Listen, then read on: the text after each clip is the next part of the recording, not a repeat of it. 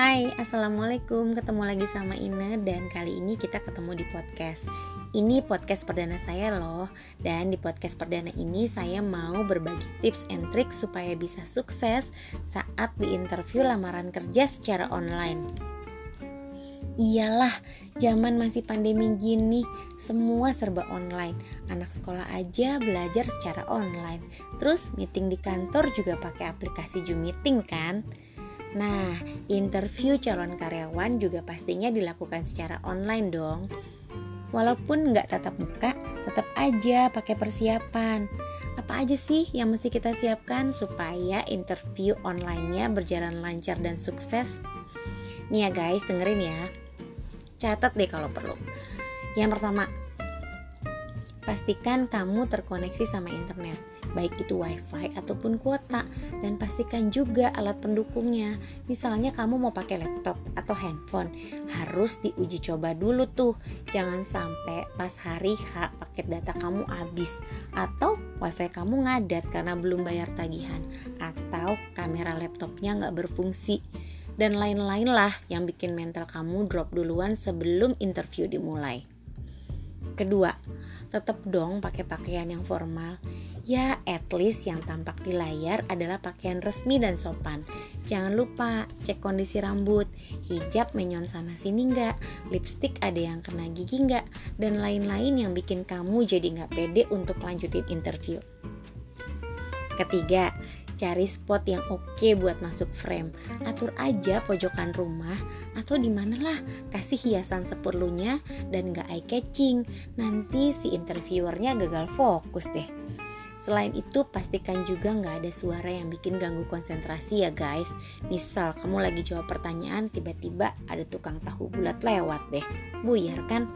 Nah, yang keempat nih guys, persiapkan diri, cari tahu kira-kira apa yang akan ditanyakan si interviewer terkait pekerjaan yang sedang kamu apply. Biar kelihatanlah kalau kamu itu qualified untuk posisi yang sedang kamu apply. Kelima, semangat ya guys dan tunjukkan antusiasme kamu. Pasang deh muka ceria dan senyum yang ramah. Eh, tapi jangan keseringan juga lah, nanti dikira nggak serius. Terakhir, latihan dulu ya guys. Practice makes perfect. Beneran deh gitu. Oke, itu 6 tips and tricks gimana uh, caranya menghadapi interview secara online. Segitu dulu ya guys, tip and tricksnya dari saya. Semoga bermanfaat. See you next time.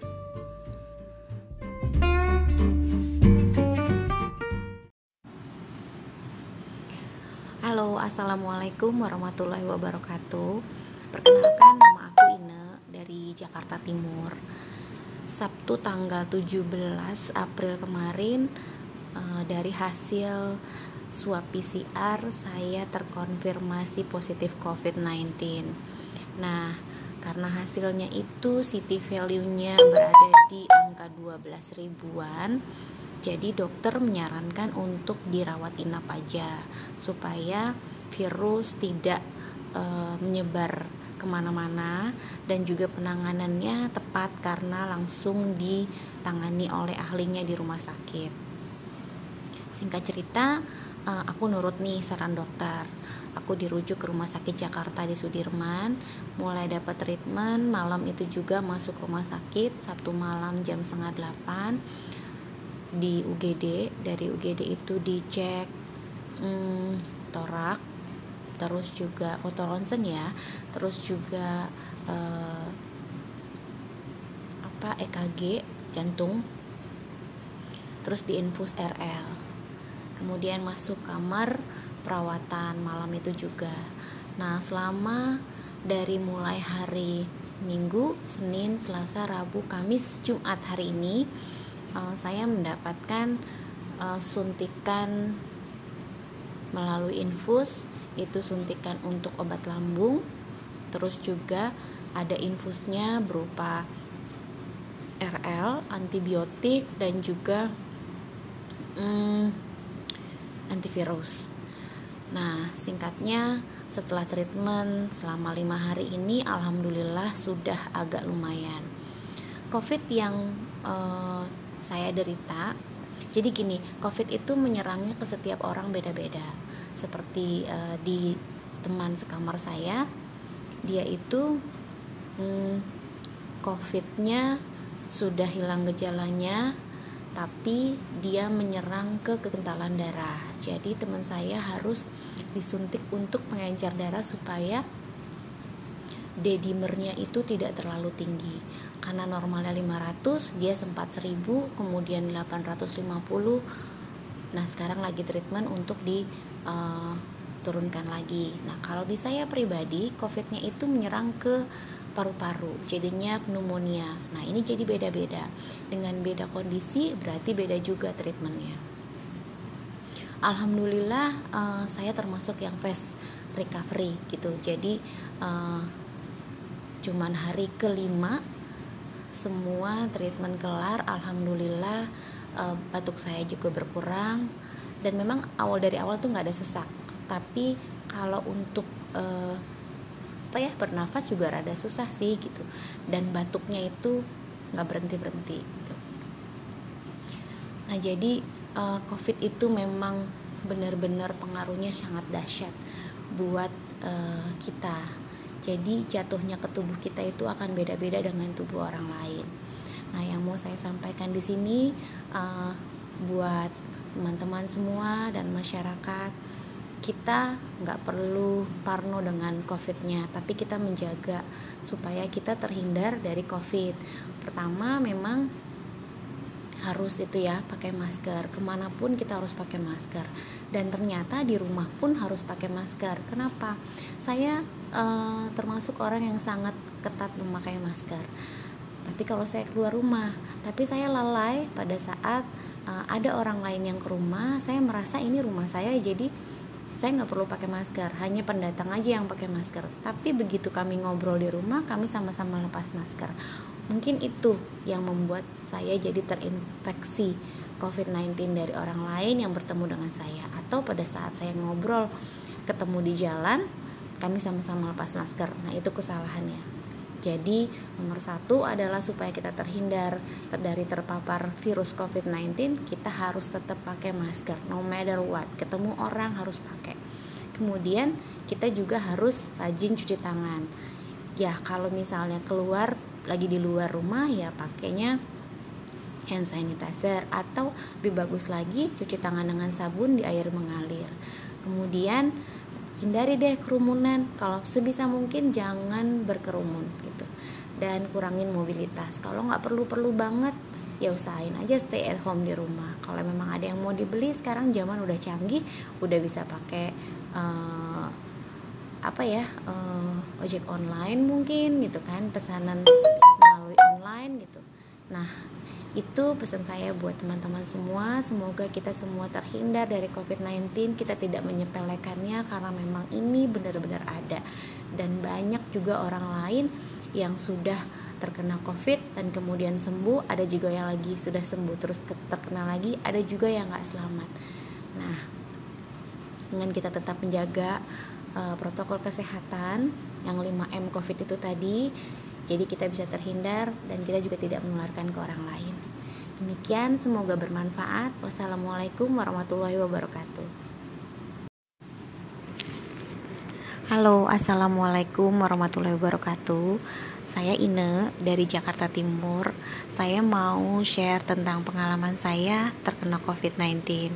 Tanggal 17 April hari Sabtu kemarin, uh, hasil swab PCR bahwa saya positif terkonfirmasi COVID-19 dengan city value sekitar uh, eh, 12 ribuan.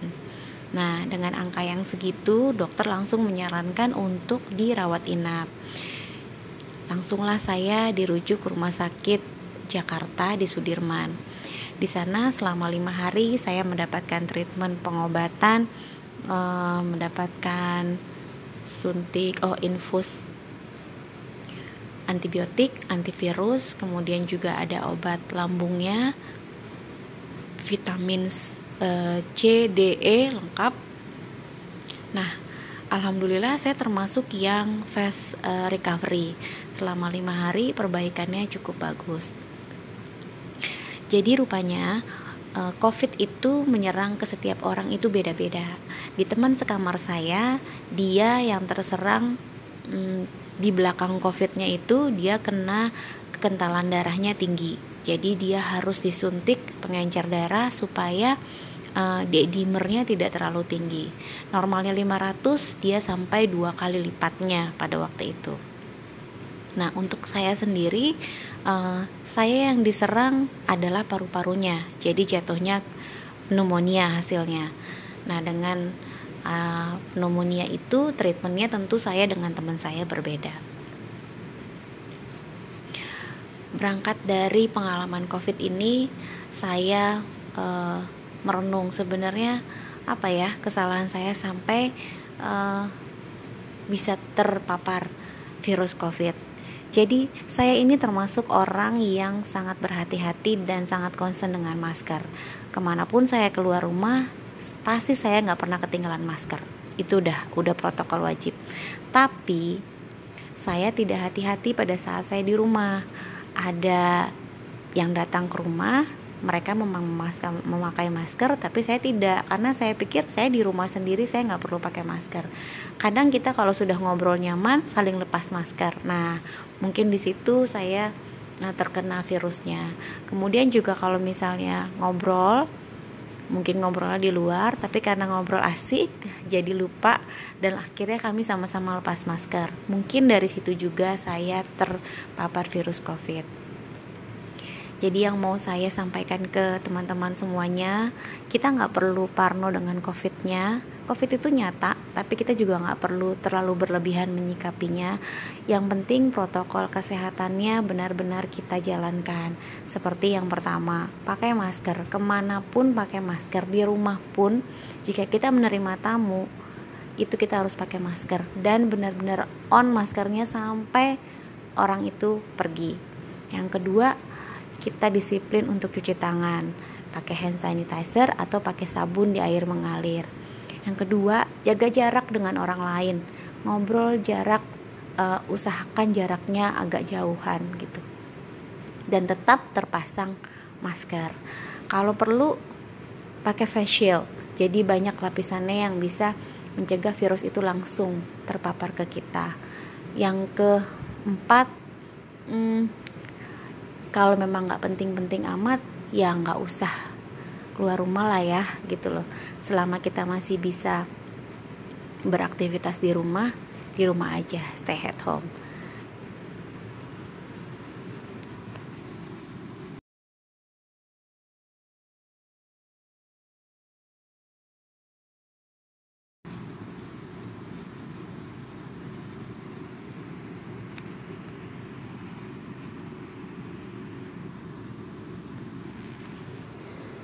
Dan yang terakhir, menghindari kerumunan. Ya, kalau memangnya tidak dapat terhindari juga, at least tetap ya masker itu tetap harus terpasang dan tetap jaga jarak walaupun berada di dalam kerumunan.